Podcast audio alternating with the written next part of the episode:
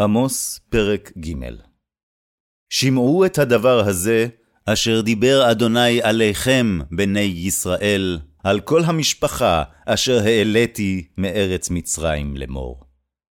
רק אתכם ידעתי, מכל משפחות האדמה, על כן אפקוד עליכם את כל עוונותיכם.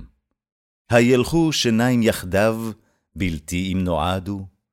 הישאג אריה ביער, וטרף אין לו, הייתן כפיר קולו ממעונתו, בלתי אם לחד? התיפול ציפור על פח הארץ, ומוקש אין לה? היעלה פח מן האדמה, ולחוד לא ילכוד?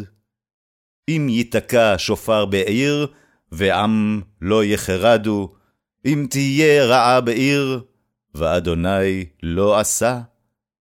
כי לא יעשה אדוני אלוהים דבר, כי אם גלה סודו אל עבדיו הנביאים.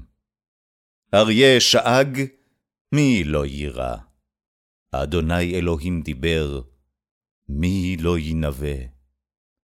השמיעו על ארמנות באשדוד, ועל ארמנות בארץ מצרים, ואמרו, האספו על הרי שומרון, וראו מהומות רבות בתוכה.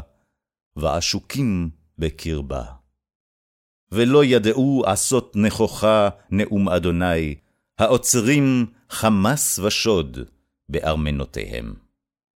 לכן, כה אמר אדוני אלוהים, צר וסביב הארץ, והוריד ממך עוזך, ונבוזו ארמנותייך.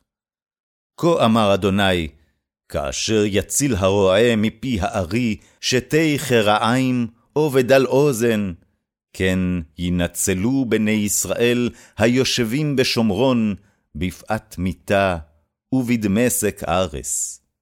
שמעו והעידו בבית יעקב נאום אדוני אלוהים, אלוהי הצבאות. כי ביום פוקדי פשעי ישראל עליו, ופקדתי על מזבחות בית אל, ונגדעו קרנות המזבח, ונפלו לארץ. והכיתי בית החורף על בית הקיץ, ואבדו בתי השן, וספו בתים רבים, נאום אדוני.